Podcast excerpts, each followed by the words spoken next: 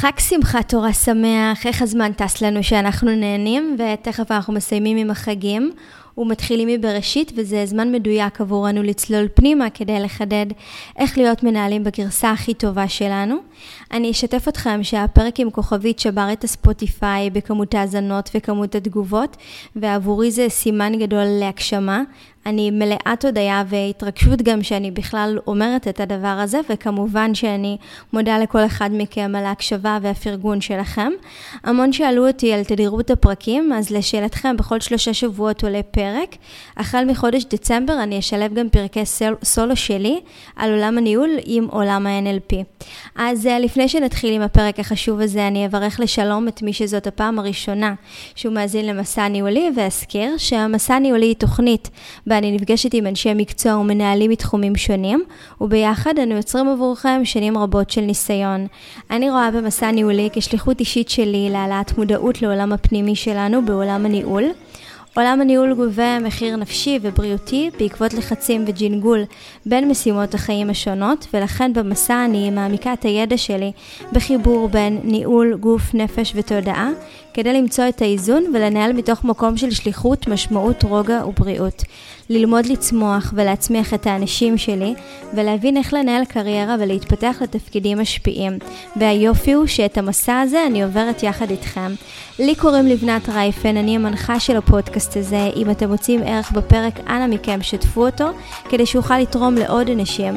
לא לשכוח לשים עוקף כדי לקבל הודעה שעולה פרק נוסף, וכמובן, כמובן, סופר חשוב, דרגו את הפודקאסט. ברוכים הבאים לפרק מספר 6 על הדורות החדשים שמגיעים אלינו לעולם העבודה. מתחילים.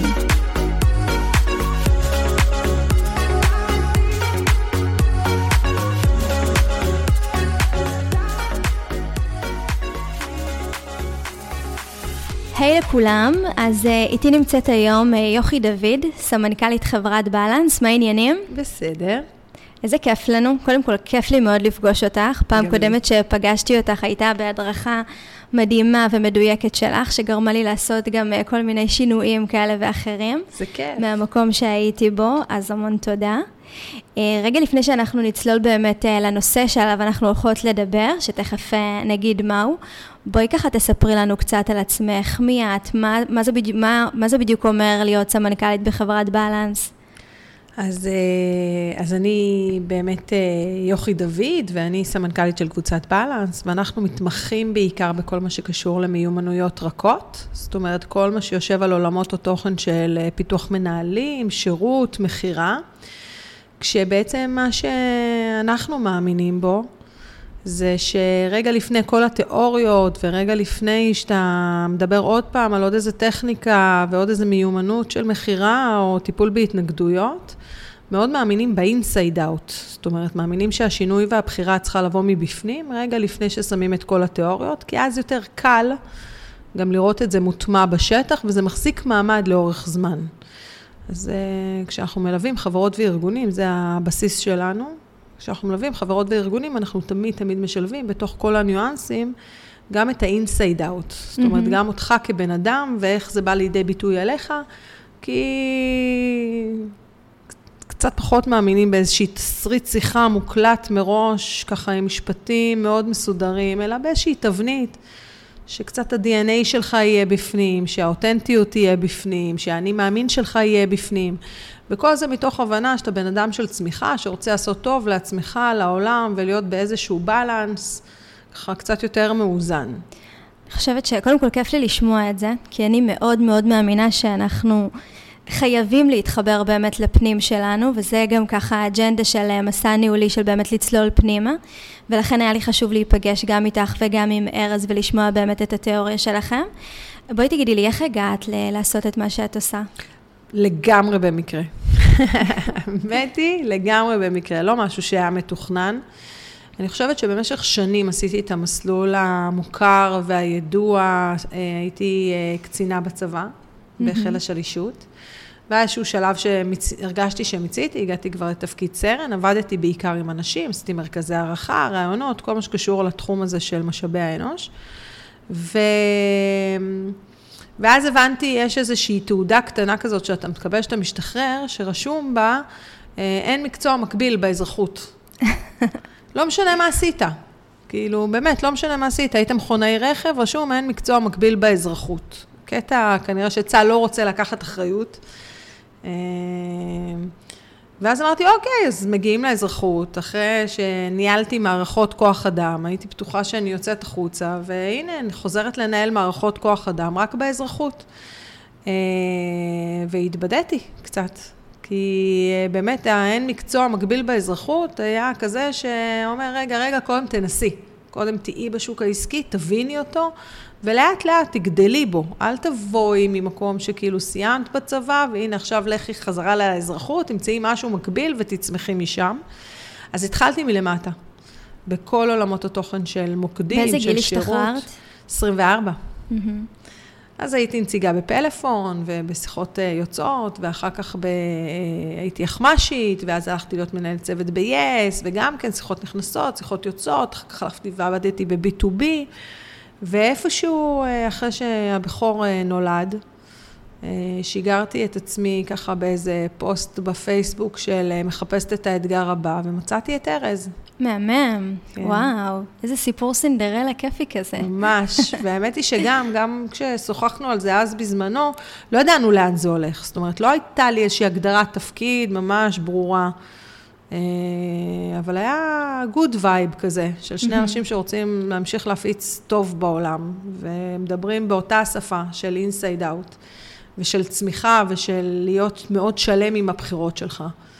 וכבר 11 שנה שזה איזה שזה כיף. שזה מצליח, טפו מדהים. כיף גדול.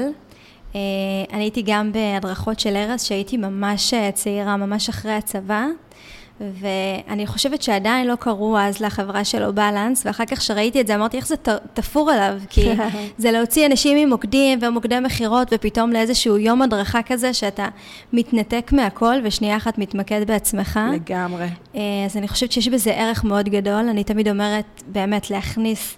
כמה שיותר כאלה דברים זה רק אה, מפרה. נכון. Uh, טוב, זימנתי אותך היום, כי רציתי באמת uh, לדבר איתך. ראיתי שאתם uh, עוסקים בנושא, וזה נושא שמאוד מסקרן אותי. את כל הנושא של הפער הבין-דורי, ואני גם אגיד לך למה. לפני כמה שנים חזרתי לעולם הניהול, וחזרתי לעולם שהוא אחר לחלוטין. ואחד הדברים שבאמת הכי השתנו, זה האנשים שבהם נתקלתי. וכל הזמן מה שעבר לי בראש זה למה הם לא מבינים שהם נמצאים במקום עבודה. ומה הם רוצים, ולמה הם מדברים איתי על גיבוש ועל תמונות ועל אה, צבעים, כשהם באים לעבוד, יש עבודה, וצריך לעשות אותה. ואם לא מסיימים אותה, צריך גם לעשות שעות נוספות. ומה הם אה, באמת, למען השם אה, רוצים ממני. והדרך הזאת שלי איתם הייתה, הייתה ארוכה, היום אה, זה אנשים שאני איתם בקשר ממש טוב, הם גם מאזינים לפודקאסט, אז אנחנו, אז אני שמחה שזה, שזה קורה, והיה לי חשוב באמת לשמוע ממך. מה, מה הם באמת רוצים? מי הם בכלל? טוב, אז זו שאלת מיליון הדולר, האמת היא. Uh, באמת המקום היום של ניהול בין-דורי תופס uh, מקום מאוד מאוד רחב בפיתוח מנהלים, מהסיבה מאוד פשוטה, שאתה יכול למצוא את עצמך מצד אחד מנהל אה, אנשים בני 40 פלוס, ומצד שני מנהל ילדים בני 20 פלוס, וזה שונה. אה, כמו שאת אומרת, הדורות אה, מגיעים למקום עבודה מתוך איזושהי, בתוך איזשהו mindset אחר. כי אם נתחיל רגע מהדור הראשון שנכנס, אולי לא הראשון, אבל זה שאנחנו עוד מכירים, של ההורים שלנו, של דור ה-X, אז באמת הם הגיעו מתוך המקום של העבודה החלוצית הזאת, שאת מדברת עליה, של לעבוד מאוד קשה, של להיות שם את השעות הנוספות, של לעבוד מתוך ערך למקצוע עם הכשרות מאוד ארוכות. אה, וככה, אם את זוכרת, אז תמיד היה את התקנים בבנק, שהייתם, ככל שהוותק היה עולה, והנה בכלל, כל השיחה על שכר המורים הוא שכר של דור נכון. ה-X, הוא שכר שמדבר על ותק. הוותק היה לו את הערך הכי חשוב אה, בתוך התפקיד. ואז הגענו אנחנו, וכשאנחנו הגענו, דור ה-Y, אה, אז זה היה משהו שקצת השתנה בשוק העסקי. פתאום קמו ביום בהיר אחד עשרות מוקדי שירות וחנויות פרונטליות, שזרקו לשוק העבודה אלפי משרות. ואז לא היה את הזמן לחפש את אותו בחור ותיק שהשקיע 30 שנה במכירות כדי לחפש אותו. אמרו, אוקיי, בוא, תראה לי שאתה קצת יכול, ואני אקח אותך. לא היה צריך את ההכשרה הזאת. ואז כשאנחנו הגענו, אמרנו, טוב, אבל אנחנו לא רוצים לעבוד קשה כמו ההורים שלנו ולהתחיל לראות את השכר רק בעוד 20 שנה כשהוכחנו ותק. והיה היצע כל כך גדול בשוק, אז כולם רבו על העובדים. אז יכולת ללכת, כי הלכת למקום אחד, ואז בא המקום האחר, ואמר לך, טוב, תבוא אליי בעוד אלף שקל, ואני אתן לך יותר. והלכנו. Mm-hmm. ואז גם התחיל כל הקטע שאם תסתכלי על הדור של ההורים שלנו, על הדור שלנו, אנחנו היינו כבר קצת יותר נהנתנים. זאת אומרת, כן כבר גדלנו לתוך עולם של טיסות לחו"ל, ולתוך עולם של מסעדות יוקרה, ולתוך עולם של מותגים. מה שההורים שלנו היו מאוד צנועים, ואמרו, אוקיי, אוכל בשישי, ארוחה מסורתית, הכל בסדר. אנחנו היום, יש לפעמים שבתות. או ימי שישי בערב, שאתה פשוט יוצא עם הילדים למסעדה נכון. ויושב שם, והכל סבבה. ואז הגיע הדור שאת מדברת עליו, דור ה-Z, שלקח אותנו לאקסטרים. שזה מוזר שהוא ככה מטלטל אותנו, כי אני זוכרת כשאני השתחררתי מהצבא, אני החלטתי שאני לא עובדת במקומות שלא טוב לי בהם. גם אם אני אחליף עכשיו הרבה מאוד עבודות. ואני זוכרת שההורים שלי... חשבו שאני משוגעת, כי התקבלת למקום עבודה, ומה זאת אומרת אחרי חודשיים את אומרת לא כיף לי אז יאללה ביי. אה, וזה כן איזשהו משהו כאילו חדש שהבאנו. ואז שהגענו למקום שבאמת אנחנו מקבלים דור חדש, אז במקום טיפה יותר להיות פתוחים ולהגיד גם אנחנו עשינו שינוי, לי זה באופן אישי מאוד הפך את הבטן אה, כל, ה... כל מה שהם מביאים איתם. בואי נשים רגע משהו על השולחן. זה שאנחנו החלטנו בתור דור ה-Y שאנחנו רוצים טיפה יותר ויותר כסף וקצת פחות שעות, וגם רצינו את הטייטלים. זאת אומרת, לא היה יותר את תפקידי, ה... זה, זה לא נשאר רק בתפקידים של המפעלים, אלא פתאום היה מנהל מכירות, mm-hmm. מנהל קו. הכל נכנס לאיזשהו טייטל ניהולי כזה או אחר. רצינו להיכנס ולהיכנס ישר מנהלים. ואז בא הדור הזה, שהסיבה שהוא לוקח אותנו לקיצון זה כי קודם כל הוא משקף לנו סוג של מראה שהיא שלנו, ואחר כך הוא גם מושך אותה לקצוות, כי הוא בא ואומר, רגע, רגע, גם אתם, גם אתם עשיתם טעות. כי אנחנו עוד ידענו לעבוד שעות. זאת אומרת, לא היה אכפת לנו להישאר עוד שעתיים נוספות בעבודה, או עוד שלוש שעות נוספות בעבודה, כדי לסיים את המשימה. מראש ידענו שאנחנו מרוויחים על זה טיפה יותר כסף. בא הדור הזה שאומר, לא, לא, לא, תקשיבי שנייה, אני גם רוצה את היותר כסף, אבל אני גם לא רוצה את השעות. אני רוצה לגלוש בבוקר. אני רוצה ליהנות מהחיים. אני רוצה לסיים את העבודה בחמש, לגור בדירה שלי בתל אביב, להיפגש עם החבר'ה לבירה בשבע, שמונה, תשע בערב, ואני לא רוצה, אני לא, אני לא בעל המניות, אני לא מבין מה, מה את רוצה. Mm-hmm.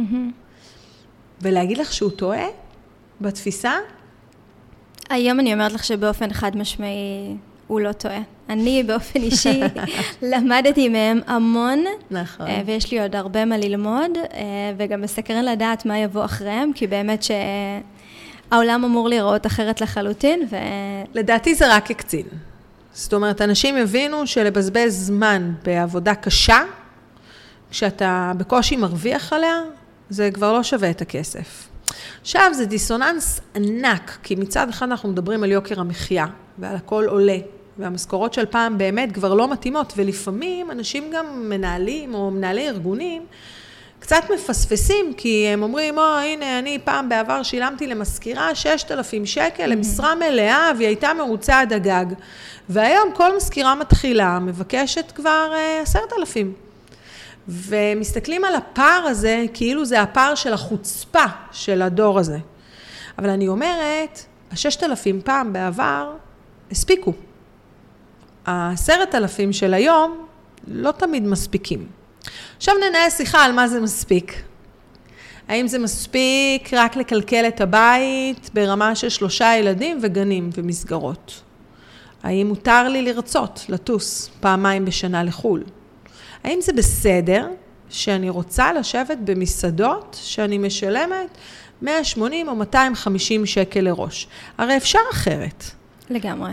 אפשר להתקלב, או את יודעת, אה, ככה להצטמצם, או לחיות בצניעות, ולא באמת אני צריכה את כל הבגדים שיש לי בארון, כנראה גם לא את כל הנעליים, אפשר. אפשר בימי שישי לא לצאת אה, למועדון כל פעם, וככה לבזבז על הבקבוק וודקה היקר, אלא אפשר באמת אה, לנסות לשבת עם חברים על חוף הים, לשתות איזה בירה, אפשר. הדור הזה חושב טיפונת אחרת. הדור הזה מסתכל על העתיד אחרת.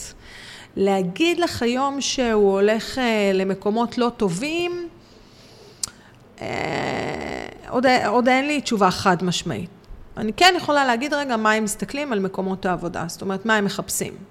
והדור הזה לא רוצה לעבור היום הכשרות מאוד מאוד גדולות. אם בעבר, כדי להתקבל לכל משרה, כולל נגיד איש מכירות בחברת סלולר, היית צריכה לבוא מרכז הערכה, יום שלם לבוא ולהוכיח את עצמך שאת מספיק טובה כדי למכור מכשירי סלולר בטלפון. היום זה לא קיים. הדור הזה לא מוכן.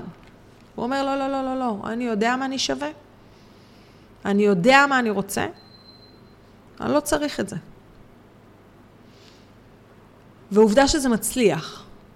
יש לדור הזה גם המון המון דברים חיוביים, ואני חושבת שאנשים טיפונת מפספסים את זה, בעיקר בגלל המקום הזה של האגו, שלנו, שבא ואומר, רגע, איזה חצוף הוא.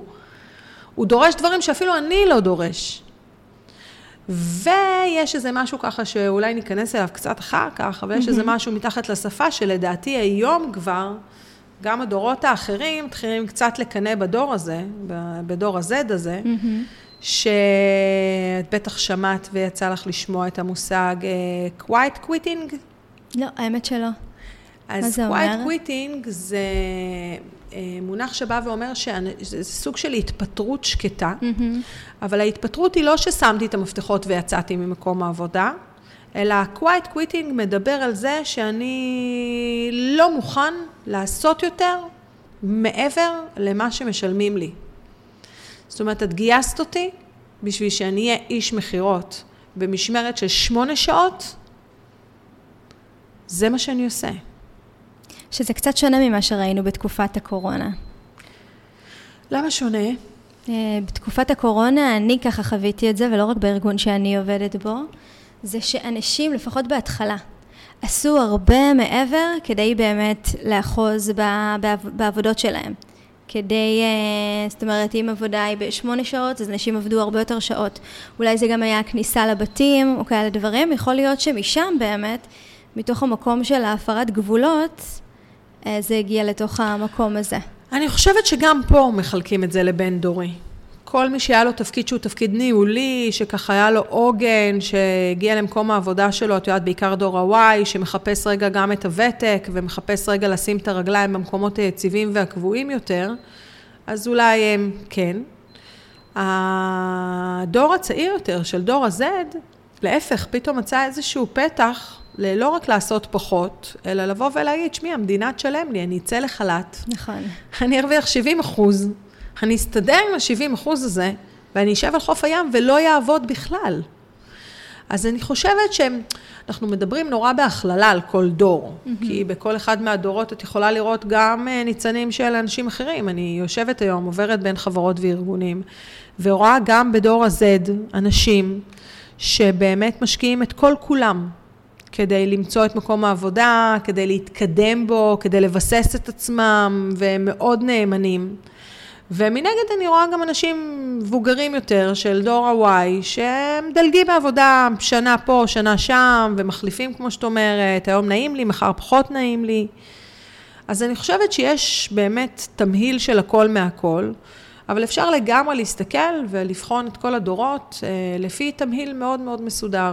בואו נשים רגע בצד את דור ה-X, זה ההורים שלנו, הם יוצאים לפנסיה, הדור הזה ממש בשנים הקרובות יוצא לפנסיה, אז הוא פחות משפיע על שוק העבודה.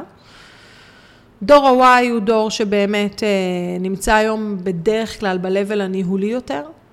מנהלי הצוותים, מנהלי מחלקות, הם אלה שבאמת מסתכלים על מקום העבודה ורוצים אה, להצליח בו. רוצים לתקוע יתד, רוצים להישאר, רוצים להרוויח יותר. אמ, מאוד מאוד אוהבים את המסביב, את הקטע של ההשקעה, של חוויית העובד, שמסתכלים עליך, שנותנים לך. אה, ויש את הדור ה-Z. ודור ה-Z, דרך אגב, יש כבר היום גם את דור האלפא, אבל הוא עוד ככה בחיתוליו, כמו שאומרים. תראי איזה קטע. כשאנחנו היינו ילדים, מתי התחלנו לעבוד? נראה לי כזה אחרי צבא, או שאולי עבודות מזדמנות כאלה, 15, 16. נכון, בגיל 15-16 היה לנו את העבודות המזדמנות האלה תמיד, שזה בדרך כלל היה במקום העבודה של האימא. שבחופש הגדול היו מאפשרים קצת לבני הנוער לבוא ולעבוד. אני באופן אישי זוכרת שהייתי עם אופניים, חילקתי דואר, או עיתונים. היום, בגיל 15, מה יש? הם מחפשים ממש אה, עבודות, או לעשות כל מיני דברים. יש להם ערוצים אה, ביוטיוב, יש להם אה, כל מיני הכנסות כאלה ואחרות. היום את יכולה למצוא לפעמים ילדים בני 15 שמרוויחים כבר יותר מההורים שלהם. דרך משפיעני רשת, mm-hmm. שזה תפקיד שנוצר בשנים האחרונות, לא היה אותו כשאנחנו היינו ילדים. דרך זה שהם עושים המון דברים, זאת אומרת, יש להם אומץ לעשות הרבה דברים שאנחנו אפילו לא חשבנו עליהם. פתאום ילדה בת 15 מעלה לעצמה עמוד באינסטגרם והיא מוכרת תכשיטים, או תופרת בגדי ים, או עושה לעצמה ערוץ סליים, ומגלגלת אלפי שקלים בחודש. ואז היא תצטרך לבוא למקום עבודה. נגיד ולא הלך לה טוב, והיא גלגלה רק כמה אלפי שקלים בחודש, ולא הפכה את זה לעסק. ואז היא תצטרך לבוא למקום עבודה, למישהו שיבוא ויגיד לה, את עוברת משמרות. חוויה נוראית. שמונה עד שלוש, תרוויחי שלושים שקל לשעה, וגם יש לך מנהל שיושב לך על הראש וצועק לך כל היום, יאללה, יעדים, יעדים, מה עם יעדים? נו, עוד קחי שיחה, אין שיחה, תני שירות, אין שירות. יש פה פער מאוד מאוד גדול. בין איך אתה גדל למה בסוף מחכה לך בקצה. תגידי, מה את חושבת יקרה נגיד עם כל התפקידים, היום תפקידים של אה, מנהלי מחלקות, סמנכ"לים, בארגונים שהם אה, אה, מסורתיים כאלה? מה את חושבת יקרה עם זה כשהדור הזה יגיע לגילאים שהם יצטרכו לקחת את המושכות? וואו. שאלה מצוינת. קודם כל, אני חושבת שהדור הבא כבר יקצין גם את מה שהדור הזה עובד. אני חושבת שבגדול בגדול, באיזשהו מקום, השוק העסקי קצת מייצר פתרונות כדי לא להיות תלוי בדור. למשל, אה, כדי לא להיות אה, תלוי במלצרים, כבר פיתחו רובוט כזה. Mm-hmm. כי מאוד קשה גם להשיג היום עובדים. זה אחת הבעיות שאני נתקלת בה בכל חברה וארגון שאני עוברת בו. נכון. מדברים קשות על נושא גיוס העובדים, וזה באמת אחד האתגרים המאוד מאוד גדולים שיש לכל ארגון. ואני חושבת שכבר מתחילים לייצר לזה פתרונות. אני חושבת שאלה שבסוף מגיעים לתפקידי המנהל מחלקה והמנהלי צוותים והמנהלי מוקדים, זה באמת האלה שהם אה, הפיבוטים של הדור הזה. שעדיין רואים את מקום העבודה המסורתי ורוצים להשקיע בו ולתת מכל כולם ומוכנים לעשות טיפונת את השעות או למשוך את הקצוות ולא להיכנס רק לקובייה שלהם. אז אני חושבת שהם ימשיכו לעשות את זה. אני רואה, הנה אני מלווה היום אה, מוקדים, אני בקורס פיתוח מנהלים של אה, עולם המוקדים, של טארגט קול. אה, ואני רואה כמה הם מנסים, זאת אומרת, איך הם משקיעים המון היום בחוויית העובד. Mm-hmm. זאת אומרת, כדי לגרום להם להישאר, כדי שהם יהיו קצת יותר נאמנים, כדי שיהיה להם כיף לבוא לעבודה. אני חושבת שהדור הזה נאמן בעיקר מהמקום הרגשי. הם מתאהבים. וברגע שהם מתאהבים במקום שהם נמצאים בו, ומתאהבים במנהל הצוות, ומתאהבים בארגון, אז אפשר להוציא מהם טיפה יותר. עכשיו, אני גם אומרת בצורה מאוד מאוד ברורה, זה דור חכם ברמות אחרות. ברמת היכולת שלו לעשות דברים, הוא מאוד מהיר, הוא מאוד אינטואיטיבי. אני גם אגיד, ובלי להעליב חס וחלילה, אבל אני גם אגיד שיש להם אה, יכולות אה, ורבליות יותר נמוכות מהדור שלנו, מהסיבה מאוד מאוד פשוטה. הם חיים על אימוג'י, הם חיים על אינסטגרם, הם חיים על טווחי זמן קצרים של להעלות סרטון של 17-15 שניות, אז היכולת הוורבלית שלהם להשלים חמישה משפטים בסדר רציף, טיפה יותר מאתגר, ובגלל זה גם הארגונים מנסים להתאים את עצמם. אבל הם ממש ממש ממש, יש להם יכולות מדהימות, טכנולוגיות למשל. זאת אומרת, היום אם פעם היית צריכה בתור אה, אה, מנהלת צוות לפנות למערך השיווק כדי שיוציא לך קצת תקציב, כדי לפנות למישהו חיצוני שיעשה לך איזשהו סרטון, כדי שאפשר יהיה טיפונת, היום כמעט בכל צוות יש לך איזה נכון. מומחית טיק טוק כזאת, או מישהי שיודעת לעשות סרטונים ביתיים, ואת אשכרה יכולה להיעזר בה. זאת אומרת, אם רגע נבטל את הבטן הרכה על הדור הזה, על התחושה הזאת שהם עצלנים, אני באמת באמת שמה רגע בצד את אלה שבאמת לוקחים את זה לקיצון ואין להם רבע מחויבות, וגם, את יודעת, אומרים להם משמרת בתשע ובאחת עשרה הם רק מתעוררים, mm-hmm. ואחריי המבול, וככה בא לי, ותרצי אותי, אני פה, לא תרצי אותי, תשחררי, אני אמצא מקום עבודה אחר. אני תמיד אומרת, שחררי. שימצא מקום עבודה אחר. באמת, הכל בסדר, לא לשם התקן ולא לשם ה... אה, חסר לי עובדים, אל תתפשרו. זה אבל אתגר מאוד גדול, כי היום, כמו שאמרת, נורא קשה לגייס.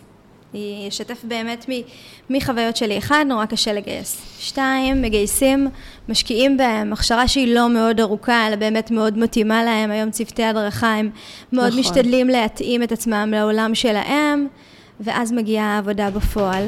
ומאוד מאוד מאוד מאתגר אותם לבצע את העבודה, כי אין מה לעשות, העבודה היא גם קצת אה, מאתגרת. והם רגילים לכל מיני אה, דברים שהם נורא מהירים, כמו שאמרת, סרטון בכמה שניות ומלא לייקים ועל כל מיני דברים שהם אחרים. עכשיו, לשחרר, אה, לי יש קושי עם זה. אה, קשה לי מאוד לשחרר עובד שהשקעתי בו בהתחלה, ותמיד גם יש בי איזושהי הרגשה שאני אוכל להביא אותו למקום שהוא בסוף יתמסר ויעשה את העבודה, וגם אם הוא לא יהיה עובד של אה, אה, שעות נוספות, אבל בזמן שהוא יהיה בעבודה הוא גם ייהנה וגם יעשה את העבודה.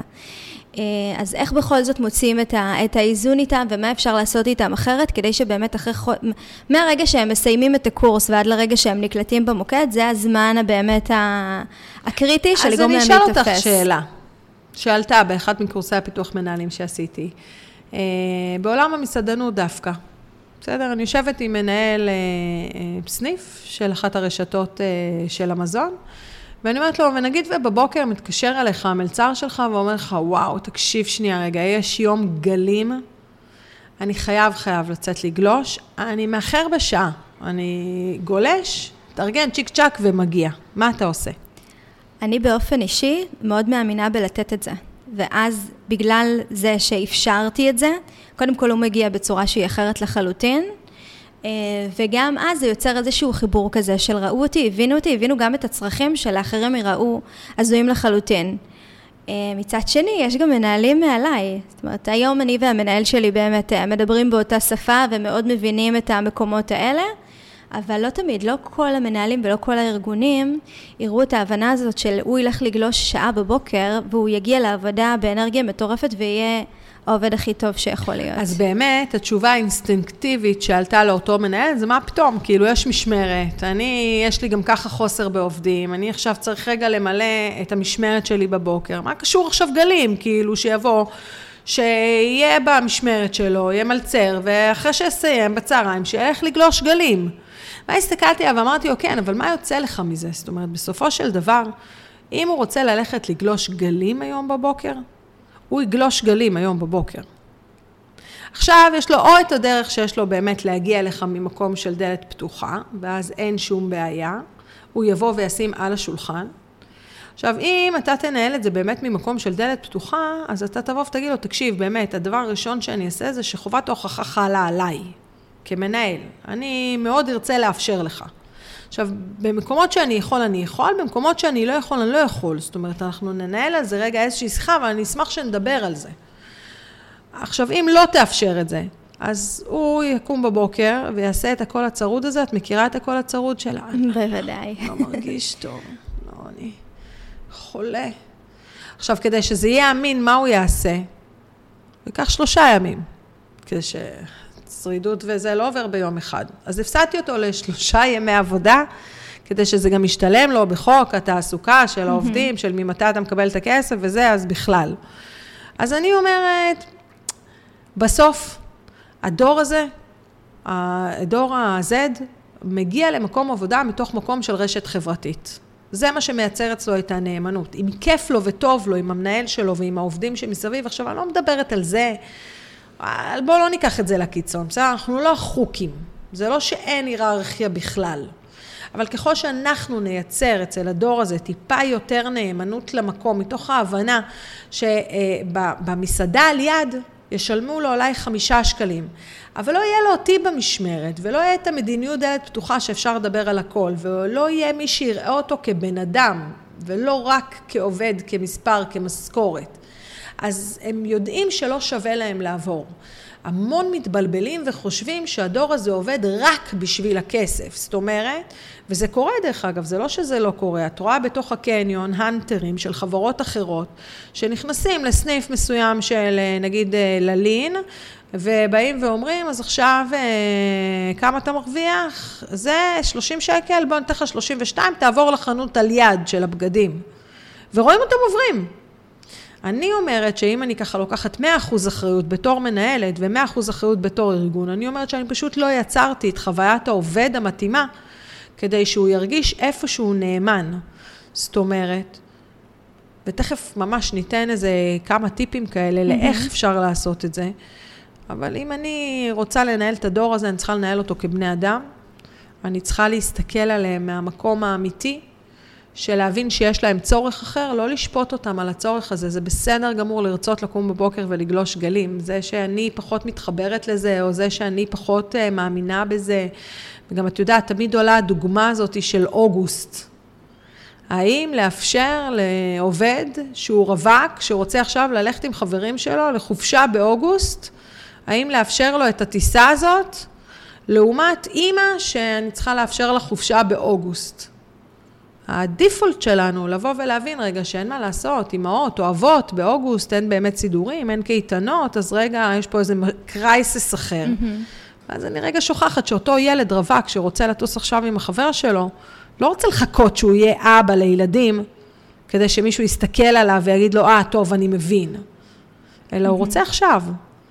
אז אני באמת חושבת שאם אנחנו נוותר רגע על האגו, וננסה לנהל את הדור הזה ממקום שהוא קצת אחר, ולתת לו את מה שהוא צריך, אז הוא יישאר והוא יהיה קצת יותר נאמן, והוא יחזיק מעמד קצת יותר במקום העבודה, והוא באמת ייתן לך, הם ייתנו. חבר'ה, הדור הזה, דקה וחצי לפני, שכב בג'בלאות והגן על המדינה, כאילו, בואו נהיה פיירים. כן, היו בעיניהם גם ג'ובניקים, בסדר. אבל גם הם היו בצבא ועשו את מה שהיה צריך, והכל היה בסדר. זאת אומרת, הם כן יודעים להתאים את עצמם למסגרות. אני רוצה שניתן לזה כמה טיפים? כן, נשמח uh, לכמה טיפים כדי לדעת באמת uh, איך להתנהל איתם. אני חושבת שבעיקר מה שאת אומרת, כשאת אומרת להיפרד מהאגו, זה להפסיק לנסות לחנך אותם, ולהבין באמת, להסתכל עליהם ועל הצרכים שלהם, ומשם באמת להגיע אליהם. זה, זה מה שאני לוקחת מכאן. ותכף גם תגידי לנו איך, אה, איך באמת אפשר להגיע אליהם בצורה שנוכל גם למקסם את היכולות שלהם וגם, אה, וגם ליהנות מהם. אז תראו, אחד הדברים שהדור הזה מאוד מאוד אוהב וצריך, זה שאנחנו נטפח תרבות חברה אה, חיובית. למה הכוונה? ברוב הממשקים בין המנהלים לעובדים הם מה? תגיע ליעדים, למה לא עשית, מה קרה עם הלקוח הזה, תיתן לי, תביא לי, תעשה לי, זאת אומרת, ברוב הממשקים שלנו מול אותו עובד, אנחנו בעיקר או צריכים ממנו משהו, תשאר שעות נוספות, תעשה לי טובה, תביא לי, בוא תכין, או מה קרה עם הלקוח הזה, או למה אתה לא עומד ביד, רוב האינטריגות שלנו איתם הן לא חיוביות. Mm-hmm. תנסו לטפח כמה שיותר תרבות חברה חיובית. שהעובדים ירגישו שגם כיף. מה זה אומר? למשל, ברוב הפעמים אנחנו באמת מדברים על זה שאנחנו עושים happy hour, נקודתי, או פעם בשנה אירוע חברה. זה לא מספיק. תגיד תודה גם על דברים קטנים. עכשיו אני אגיד לך משהו שיכול להיות שככה יגרום לך לפתוח את העיניים. באחת ההדרכות אמרתי להם, וואלה, אם יש עובד שלא מאחר כל החודש, והגיע למשמרות בזמן, יושבים בישיבת צוות, מחא כפיים לעובד שהגיע בזמן, תגיד לו, שמעון, סחטיין עליך, לא איחרת פעם אחת החודש. בוא תספר לחברינו הנחמדים, איך אתה עושה את זה? מוערך, מאוד מוערך. חיים דינמיים, יש פקקים, יש ילדים בבוקר, יש דברים שקורים, בלת"מים, פתאום פאנצ'ר. שמעון הצליח להגיע חודש שלם בזמן. לא מגיע לו מחיאות כפיים. לגמרי. אז בהדרכות הרבה פעמים כשאני אומרת את זה, אומרים, מה, אבל זה העבודה שלו, כאילו, הוא חייב להגיע בזמן. בסדר, בסדר חייב. חבר'ה, תגידו תודה גם על הדברים הטריוויאליים, הקטנים, הטובים. סחטיין עליך, הצלחת להשיג את יעד השיחות שלך היום. כל הכבוד לך. ברור שזה הוא חייב, ברור שהוא נמדד על זה, אבל מה הבעיה? לייצר אינטראקציות יותר טובות. נכון. מה הבעיה לקרוא לעובד לתוך המשרד ולהגיד לו, תשמע, רק רציתי להגיד לך, עבודה מדהימה אתמול. ראיתי כמה התאמצת. ראיתי שלא הגעת, אבל התאמצת. סחטיין, אני מאוד מעריך. ולא להכניס אותם למשרד רק בשביל, אה, שומע, אני מסתכל על הדוח של אתמול, והיית צריך להביא 50 שיחות והצלחת להביא רק 40. אז אה, תראה איך אתה משלים את הפער היום, בסדר? אלא באמת לנסות לבוא מתוך תרבות שהיא טיפה יותר חיובית, הרבה יותר כיף לדבר על דברים שהם כיפים יותר. נכון. הטיפ השני שאני יכולה לתת לך זה שהעולם עבר לדיגיטל. זה דור שאוהב דיגיטל. אחד הדברים שעולים הרבה פעמים בהדרכה של המנהלי צוותים זה שהיא אומרת לי, כן, אבל מה דעתך על טלפון בעמדות? היום לא נראה לי שיש מה לעשות עם זה. מחקרים מוכיחים היום שהחיים שלך נמצאים בטלפון ויש גם את הקטע, אה, איך זה נקרא? fear to lose, כאילו, אתה מפחד מזה שאתה נכון. מפספס משהו. אז ההתעקשות הזאת שלא יהיה טלפון בעמדה. עכשיו, את יודעת, זה מאוד, אה, זה מאוד גורף, כי באמת יש אנשים שכשיש להם טלפון בעמדה, המוח שלהם נודד למקומות אחרים. הדור הזה יודע לעשות משימות במקביל. זאת אומרת, הוא כן יכול לרפרף בפיד של האינסטגרם או בפיד של הפייסבוק ותוך כדי לעשות. שמת לב שזה מפריע לו? האזנת לשיחה? ראית שזה מפריע לו? שזה מוציא אותו מתשומת הלב? תאירי, תשקפי, תראי לו. אבל סתם בשביל לבוא ולהציב איזשהו גבול ולהגיד, פה אין טלפונים בעמדה, היום זה כבר לא עובד. אז תנצלי את זה לטובתך. זאת אומרת, העולם עבר לדיגיטל. בכיף יכולה להיות קבוצות וואטסאפ של עדכונים. בכיף יכולה להיות קבוצת וואטסאפ של סטאדי קייסים, של וואלה, הצלחות. מכרתי, הצלחתי, הבאתי. חבר'ה, הנה לקוח שהיה לא מרוצה והצלחתי בשירות טוב, זאת אומרת, תעזרי בזה, את כן יכולה היום, במקום להביא את כולם 20 דקות לפני הזמן למשמרת, אני זוכרת שהייתי מנהלת צוות ב-yes, הבאנו את כולם 20 דקות לפני, הכנסנו את כולם לחדר בשביל להעביר איזה 4-5 משפטים, לתת את המוטיבציה ולצאת לדרך. אפשר לעשות את זה היום ב... בסרטון קטן שעובר נכון. בקבוצת הוואטסאפ. תשתמשו בטכנולוגיה, תעזרו בטכנולוגיה. לא עוד את העבודה הסיזיפית הזאת של לתעד כל דבר בכתב, לא מדברת על המערכות CRM, מדברת על, על זה שעכשיו אתה רוצה לשבת למשוב, ואתה צריך לכתוב ולהגיד, והוא צריך לענות ולכתוב. עשו את זה קצת יותר funny, קצת יותר טכנולוגי. אומרת, סרטון תנסו- כתדריך זה מדהים. זה כן, נראה את לי יודעת כיף. ששבוע שעבר הייתה לי אחת, שכשבאמת נתנו להם משימות ככה, בקורס פיתוח מנהלים, נתנו להם את המשימות, והיא פשוט, אה, היה להם איזה עדכון קטן במערכת של ה-CRM, של איפה ללחוץ על איזשהו כפתור, והם פשוט נתנו לאחת הבנות לעשות את זה בסרטון טיק טוק עם כיתוביות. מהמם. תקשיבי, עבר מדהים, אנשים עפו על זה, זה הצחיק אותם, זה גרם להם ל good feeling, והם הבינו, אשכרה הבינו, מדהים. מה צריך לעשות עם הכפתור. אז זה גם משהו שאנחנו עושים. משהו נוסף שמאוד מאוד מאוד חשוב, ויישמע עכשיו אולי קצת מוזר, כי מה, מה, מה זה קשור לעבודה? אבל uh, הדור הזה הוא דור ששם דגש מאוד מאוד מאוד גדול על בריאות הגוף והנפש. זאת אומרת, פתאום אם פעם כל הטיפולים הפסיכולוגיים, הקואוצ'רים, הדברים האלה היה איזשהו אה, ככה מילה גסה, ולא באמת מספרים לכולם. היום הדור הזה הולך לפסיכולוגים, היום הדור הזה נעזר במאמנים, ברגשי, בכל מה שצריך, וגם מאוד אוהב את הגוף. זאת אומרת, יש שיחה כבר על אוכל שהוא יותר בריא, יש אה, שיחה על אה, אה, אה, ספורט ועל יוגה ועל פילאטיס, אז צריך להכניס את זה לתוך מקום העבודה. למשל, קבוצת ריצה בערב. מהמם.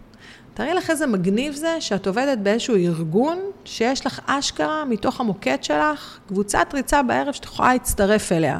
האם מחר בבוקר, כשמציעים לך בחמישה שקלים לעבור לארגון אחר, את תהיי מוכנה לוותר על הקבוצת ריצה שלך? לגמרי לא. אז אולי לקחת מישהי שעושה ככה יוגה בתוך הצוות, תמיד יש איזה אחת כזה או אחד כזה שהוא ספורטאי, ופעם בחודש לעשות אימון בזום לכל הצוות. קודם כל זה מגבש, זה מגניב, ויש לזה שיחה שהיא אחרת.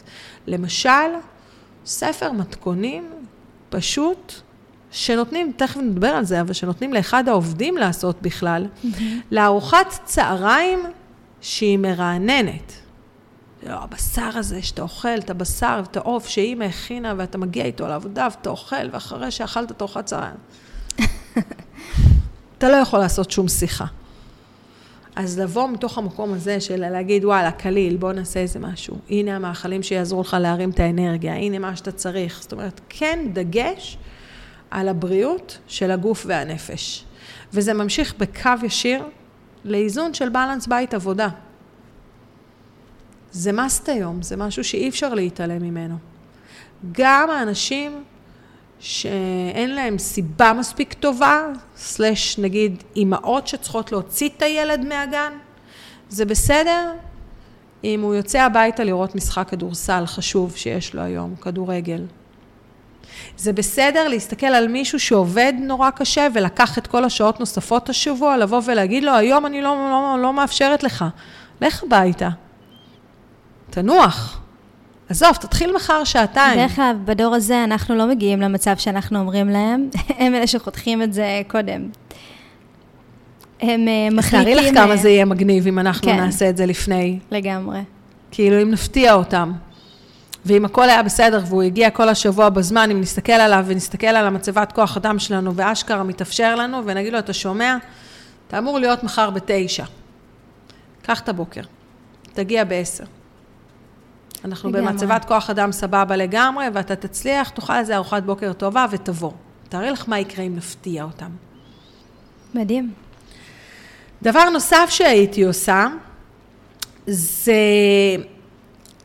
דיברנו על זה שבדור ה-Y הם נורא חיפשו את המקומות הניהוליים. עכשיו, יש משהו בדור הזה שצריך את הפיתוח ואת הצמיחה, שאנחנו נעודד אותו, אז זה נראה קצת אחרת.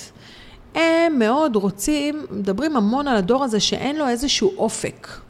הם לא יודעים מה הם רוצים להיות שהם יהיו גדולים, אין איזשהו מסלול מסודר. את יודעת, אני ידעתי, אני הולכת להיות אה, נציגה, אחר כך אני אחמ"שית, ידעתי שהשלב הבא זה מנהלת צוות, מנהלת מוקד, לא משנה, אני כבר אמצא את עצמי בתחום הניהולי, וככה ידעתי לאן אני רוצה לטפס. והדור הזה לא באמת יודע, יכול להיות שהוא נמצא פה עכשיו ועוד uh, חצי שנה הוא בכלל בתאילנד, בטיול של uh, אחרי הצבא, אחר כך הוא יחזור, פתאום הוא בתחום המסעדנות, יש מצב שהוא יקנה איזה זיכיון של איזה משהו, אם לא, אז אולי הוא יחזור ויעבוד, ופתאום את רואה אותו בכלל עובד בבניין, או מנסה לפתוח איזשהו עסק, אין לו איזשהו מסלול. צריך לעודד אותם, צריך לנסות לייצר להם איזשהו משהו זה דור שבאמת הולך לאיבוד קצת במחשבות, כי הוא באמת באמת מאמין שהוא יכול לעשות הכל. אז כשאני מעודדת צמיחה, אני מנסה לתת להם איזשהו עוגן. לבדוק לאן זה הולך. סתם לדוגמה, מישהי שהיא באמת אה, אה, ככה יותר טכנולוגית, אולי לאפשר לה לעשות אה, גרפיקות. לעודד אותה, לקחת אותה למקומות האלה. Mm-hmm. לעודד מישהו שאני רואה שיש לו טיפה יותר את הסמכותיות ואת היכולת מנהיגות, לעודד אותו למקום של להיות מנהל, ממש לבוא ולהגיד לו, תשמע רגע, אני רואה שיש בך, אני רוצה לייצר לך את המסלול, הנה, מעכשיו, עוגנים קטנים, עוגנים קטנים, כדי לנסות להביא אותו לשם. הרבה פעמים זה פשוט דור שהולך לאיבוד.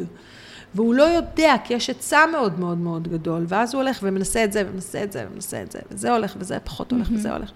אז, אז באמת המקום הזה הוא, הוא לנסות כמה שיותר אה, לייצר להם מסלול, אבל ברך, ברך, לא בלהגיד לו, טוב, עכשיו צריך להיות מנהל זה, אחרי אחמ"ש, אחרי זה מנהל צוות, אחרי זה.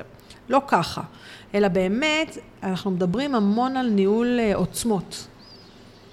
ניהול עוצמות אומר שלכל אחד מהעובדים שנמצאים היום בידיים שלהם, של אותם מנהלים, יש עוצמה מסוימת, יש להם כוח מסוים. חלק זה ביכולת מנהיגות, חלק זה ביכולת אה, ביצועיסטית מסוימת אה, כמו גרפיקה, כמו סרטונים, כמו שיווק. חלק מהם בכלל צוות הוואי ובידור.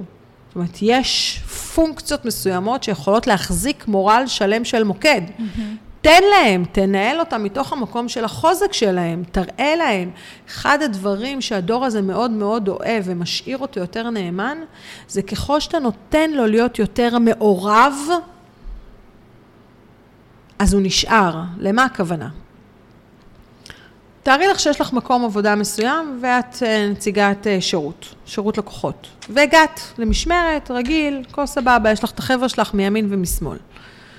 אבל אז יש לך הצעת עבודה טובה יותר, עם עוד איזה חמישה שקלים לשעה או עשרה שקלים לשעה. ואת אומרת, בסדר, יחליפו אותי. מגניב, כן, מלך. כאילו מישהו יחליף אותי, הם ימצאו מישהי אחרת. קחי את אותה דוגמה, אבל לאותה אחת יש תפקיד בתוך הצוות. היא יודעת שהיא אחראית להעביר את התוכן המקצועי.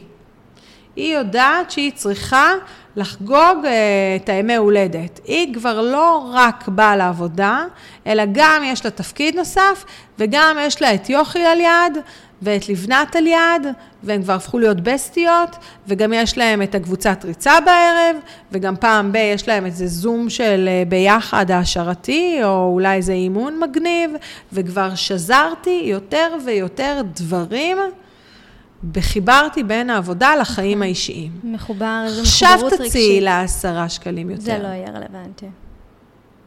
צריכה להבין יש, למה? בוודאי. החיבור הרגשי במצב הזה הופך להיות הרבה יותר... אה, וחלק בלתי נפרד מהחיים כבר. האנשים מהעבודה נכנסים אל החיים האישיים. מה, אני אעבור למקום אחר ולא יהיה לי שם את יוכי? כאילו, מה, אני אהיה חדשה? ואולי המנהל שלי לא ידע שאני אה, גם עושה ציפורניים בשעות אחר הצהריים, אז כאילו, הם לא יאפשרו לי את המשמרות האלה. ואולי בכלל, כאילו, מה, עכשיו כאילו, לא יהיה לי את הגבול, אני יכולה לבוא לקבוצת ריצה, אני לא יכולה, זאת אומרת, הנאמנות שלהם הופכת להיות הרבה הרבה יותר גדולה. תגידי לי, עולה לי השאלה שהרבה פעמים בראיונות עבודה, אנחנו שוללים את מי שמקצין לכיוונים האלה, זאת אומרת, אה, בדור הזה. הרבה פעמים כבר בתחילת הראיון עבודה אנחנו מבינים שזה לא רלוונטי, כי באמת נראה שהם במקומות שלהם. תשמעי, ראיונות עבודה לדור הצעיר זה פודקאסט בפני עצמו. זה מדהים. את צודקת, כי באמת מה שעובד המון זה האגו. וברוב הפעמים הראיון עבודה, אם תרצי, באמת נעשה עוד איזה פודקאסט mm-hmm. כזה, רק על ראיונות עבודה, זה הדרכה שלמה אחרת. אבל אני כן יכולה לתת לך איזשהו, איזושהי נגיעה ולבוא ולהגיד לך ש, שהיום בראיונות עבודה אה, יש המון המון המון אה, חטאים שלנו כמנהלים בארגון. גם העובדה שזה על הדרך. גם, ואנחנו לא באמת עושים הכנה מקדימה טובה. Mm-hmm. גם העובדה שאנחנו מראיינים במסות. אז המוח, בתבנית שלו, לא יכול לבוא נקי לכל ראיון, ואז מה שקורה זה שאנחנו עושים השלכות על עשרות מועמדים אחרים שראיינו, ולא באמת נותנים לבן אדם שעומד מולנו. גם יש מין תחושה שהרעיון הוא שאנחנו אמורים לבדוק אם הוא מתאים. וזה לא ככה, הרעיון הוא הדדי. אנחנו אמורים לבדוק שהוא מתאים, והוא אמור לבדוק שאנחנו מתאימים. לסביבת החיים שלו, לרצונות שלו, למחשבות שלו. וגם באמת נכנס כל הקטע שאת אומרת, האוטומטיות הזאת על הדור הזה, הקיבוץ, אני, אני זוכרת שבאחת ההדרכות אמרו לי, לא, לא. לא, זה דוח חמוד, אני באמת, אני, אני, אני אה, ממש משתדל. ואת רואה, לא על המימיקות של הפנים וגם לא בוורבליות, את רואה שאין סיכוי שמגיע אליו ילד בן 20 שאומר לו, מה, מה עשית? מה הצלחת לעשות? מה, עשיתי צבא. והוא לא עשה, איך הוא אמר לי? הוא לא עשה כלום עד היום. אני מסתכלת עליו, ואני אומרת לו, מה? מה זאת אומרת הוא לא עשה כלום עד היום? הוא עושה לי, לא, מה הוא עשה? בית ספר וצבא, זהו. הוא עוד לא עשה כלום. אז אמרתי לו, אתה נורמלי, אתה יודע כמה דברים אפשר לעשות בבית ספר, תתעניין, יש היום מועצות תלמידים, יש היום השפעה מאוד גדולה של התלמידים בתוך הבית ספר. צבא זה עולם שלם של יכולות, יכולות שעשית. נכון. של דברים שעשית, אתה כאילו אשכרה מתעלם מהעובדה של הבן אדם היו כאילו, אתה מסתכל נטו על התחום המקצועי, אבל זה באמת פודקאסט שלם אחר, של איך מראיינים את הדור הזה, זה מדהים, כי... כי זה קצת נבואה שמגשימה את עצמה. כשאתה מגייס אותו מלכתחילה, ממקום שאתה מרגיש שאתה מתפשר כי לא הייתה לך ברירה, כי אתה צריך למלא את התקן ועדיף לך חצי מאשר שלא יהיה לך כלום, אז אתה קצת מתפשר, אז אני גם לא מאמינה שאותו בן אדם ישרוד, ובאמת, אחד הדברים שאנחנו עובדים היום המון בחברות ובארגונים, זה לשמר את האפס עד שלוש. את השלושה חודשים הראשונים בארגון, כי ברגע שעובד נשאר שלושה חודשים בארגון, היכולת שלו לשרוד היא הרבה נכון. יותר גבוהה. נכון. אני באופן אישי במוקדים, עכשיו אני לא במוקד, אבל מאוד אהבתי לגייס את הגילאים האלה, כי זה כמו לקבל אה, תינוק, ובעצם לבנות אותו מחדש, ולחבר אותו לעולם הזה. אני באמת אוהבת אותם. אה, מצד שני, הם יכולים לעלות על הסעיף, לגמרי, באמת, בכל מיני לגמרי. נקודות כאלה ואחרות, אם לא עושים הכנה מוקדמת ובאמת מבינים. לי נפל האסימון שראיתי איזשהו סרטון של ראיון שלהם, סרטון מצחיק, ופתאום אמרתי, במה אני מתעסקת? אנחנו בכלל כאילו לא גדלנו באותן תקופות, הם רואים דברים אחרים לחלוטין, ואז או, התחלתי שזה יותר משפט להיפתח. מצוין. מה שאמרת עכשיו, זה גולת הכותרת לדעתי. ההבנה שאנחנו לא רואים את אותם דברים באותה צורה, זה שקוף על השולחן. ההבנה שזה בסדר שאנחנו לא רואים את אותם דברים באותה עין. זה הפתרון. לא לשפוט אותם, לא לחשוב שהדרך שלנו היא הנכונה והיא המצוינת, ואני לא מבין איך הוא לא חושב כמוני ולא רואה כמוני. זה לא, לא רלוונטי. מה שכן חשוב זה להבין רגע שאנחנו שתי דורות שונים, שיש להם תפיסת עולם, והיא לאו דווקא שגויה. ואת יודעת, דווקא העולם של ה-quiet quitting עכשיו, mm-hmm. שנכנס לכל הדורות, לא רק לדור שלהם, כי גם יש המון מדור ה-Y עכשיו, שאומרים, זהו, מספיק, הנה, אני... השבוע הייתי בהדרכה והייתי צריכה לסיים באחת. והיו עוד קצת שאלות. אבל באמת הייתי חייבת לסיים באחת, הייתה לי כבר פגישה בשתיים בקיסריה, אז הייתי ממש על הקשקש ברמת הנסיעה, ופשוט התנצלתי שאני צריכה לצאת בזמן. קיבלתי, אה, הזמינו אותי לסדנה מ-10 עד 1, והסתיימה הסדנה, ואני מבחינתי אמורה ללכת. אז לא רק שאני לא הולכת, אני גם מתנצלת שאני צריכה ללכת. המקום הזה, המשיכה הזאת לקצוות של עוד 10 אחוז, עוד 20 אחוז, הטייקריות הזאת של mm-hmm. כולנו, היא כבר מתחילה לחלחל, ובטח ובטח אחרי הקורונה. גם לדורות היותר ותיקים, גם לדור ה-Y וגם לדור ה-X, שבא ואומר, תקשיבי, כנראה שלא תהיה לי מצבה. לא מזהב, איך אבא שלי היה אומר לי פעם, לא תהיה לי מצבה מזהב. לא יהיה חרוט עליה לוגו החברה. אז, אז אני חושבת שהיום כבר אנשים מתחילים להבין שבאמת הקורונה הביאה איתה המון דברים מגניבים, היא הביאה גם קצת אה, אה, חוסר ודאות וקצת mm-hmm. פחדים, היא, היא עשתה, עשתה קצת בלאגן, אבל היא הביאה גם הרבה דברים טובים של אנשים שבאים ואומרים, וואלה, איזה קטע. פעם הארגון, אם הייתי אומר לו, תשמע, תן לי לעבוד מהבית, התפיסה שלו הייתה, מה, היא לא תעבוד מהבית, היא תוך כדי תעשה כביסות, בישולים, היא בטח תהיה עם חברה בקניון ותשתה קפה, לא אתן לה לעבוד מהבית. מה פתאום, אני לא רואה אותה, זה לא יקרה. ורק באה הקורונה, תחננו אלייך שתעבדי מהבית. נכון. כאילו. אז לפעמים אני אומרת, לא צריך לחכות לאיזושהי סטירת לחי כזאת שמטלטלת אותנו ומכריחה אותנו. תסתכלו על הדור הצעיר הזה, יש לו כמה רעיונות טובים. לגמרי. יש כמה דברים מגניבים בלאזן בית עבודה, יש כמה דברים מגניבים בלבקש קצת יותר כסף על עבודה טובה שאתה עושה, גם אם זה בפחות שעות, זה לא חצוף, זה בסדר. רק צריך לעשות את ההתאמה. עכשיו, יכול להיות, אני באמת אשאל כל מנהל, והאם הוא היה מעדיף מישהו שיעמוד ביעדים בארבע שעות של עבודה, או מישהו שלא יעמוד ביעדים בשמונה שעות של עבודה. מה הוא היה מעדיף? ברור שאת הארבע שעות לא עם היעדים. אז לא צריך את האגו הזה שאומר, מה, אבל אם הוא עשה בארבע, אז בשמונה הוא יכול לעשות כפול, אז שיעבוד, נכון. שייתן לי יותר. אלא לבוא ולהגיד, באמת, שמע, בסוף יש לי עבודה, יש לי יעד, לא אכפת לי. עשה אותו בשעתיים, תעשה אותו בשש. אתה תגיע ליעד, קח את הרגליים שלך ותלך. וואו. מהמם. וואו, התוצאות של הארגון יקפצו ואז הם גם יבינו שהעלויות שלהם ירדו, כי הם לא צריכים להחזיק כל כך הרבה מנהלים, כי הם לא צריכים לשלם כל כך הרבה חשמל, כי הם לא צריכים לתפעל כל כך בניינים גדולים וכאלה. אבל זה ייקח עוד קצת זמן עד שאנחנו נבין, אבל זה ילך לשם. לדעתי זה פשוט ילך לשם. אה, אני חושבת שזה מדהים, וכיף ללמוד מהם. אני חושבת שיש הרבה דברים שבשנתיים האחרונות לקחתי מהדור הזה, אחרי שאני הגעתי באנטי מטורף. אה, ואני שמחה שאנחנו עושות את הפרק הזה, ובאמת להעביר אותו ככה למנהלים. שמקסימים, אני ממש אוהבת אותם. אוהבת אותם, וגם חושבת שבאמת אפשר אה, להצליח איתם ולרוץ איתם לגמרי. קדימה. והפרק הזה לגמרי מראה איך אפשר לעשות את זה. שלא נתבלבל, יש את אלה שקצת לוקחים את זה לקיצון, ולא... ואי אפשר לעבוד איתם. Mm-hmm. זאת אומרת, זה לא שהתורה פה עכשיו היא אחת כזאת שבאה ואומרת, זה עובד על 100 אחוז.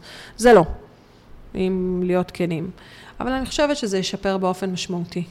את יכולות הניהול של כל אחד מהמנהלים, וגם את היכולת של העובדים להסתכל על, על הארגון, כארגון מאוד, uh, שכיף לעבוד בו. Mm-hmm. אני ממש רואה, אני מסתובבת המון בין חברות וארגונים, ואני רואה שהם מנסים להשקיע המון בדור הזה, בכל מה שקשור לחוויית העובד, אם זה לייצר להם חללי עבודה יותר מגניבים, יותר טכנולוגיים, פחות המוקדים המסורתיים של פעם עם, ה, את יודעת, השקוביות האלה שהיינו יושבים mm-hmm. בהם, אלא קצת יותר מעוצב, חדר אוכל יותר מגניב, קצת יותר פסיליטי שיהיה להם. אמ, שזה טוב, זה שינוי טוב. הדור הזה מביא איתו דברים יפים. כיף. משהו שאת רוצה להגיד לסיום? אה, רק באמת אה, להבין שיש פה איזושהי מערכת יחסים מאוד הדדית. עכשיו, אני בתור אחת שלוקחת 100% אחריות על מערכות היחסים בחייה, אומרת, רגע, תסתכלו פנימה, קחו רגע 100% אחריות, תנסו לדייק את עצמכם, ואני פשוט מאמינה שליקום יש יכולת להסתדר בסוף. לדברים שאתה אה, מאמין בהם. אני מאוד מאמינה בבלנס הזה, ואני חושבת שאם קצת נוותר על הבטן הרכה והאגו, במערכות יחסים, בטח ובטח עם הדור הזה, אפשר uh, לעשות מהפכות. מדהים. קודם כל, המשפט שאמרת מאוד דיבר אליי כרגע באופן אישי, הייתי צריכה לשמוע אותו. אני אגיד שהיה לי מדהים וכיף גדול, ואני בטוחה שזה לא הפרק הראשון, האחרון שאנחנו עושות יחד. אה, תודה. אה, כי באמת היה מדהים. איך היה לך? אוי, היה כיף. כן? כן. איזה כיף זה. ממש. יאללה, מהמם. אז uh, ניפגש בפעם הבאה. תודה. תודה על ההזמנה.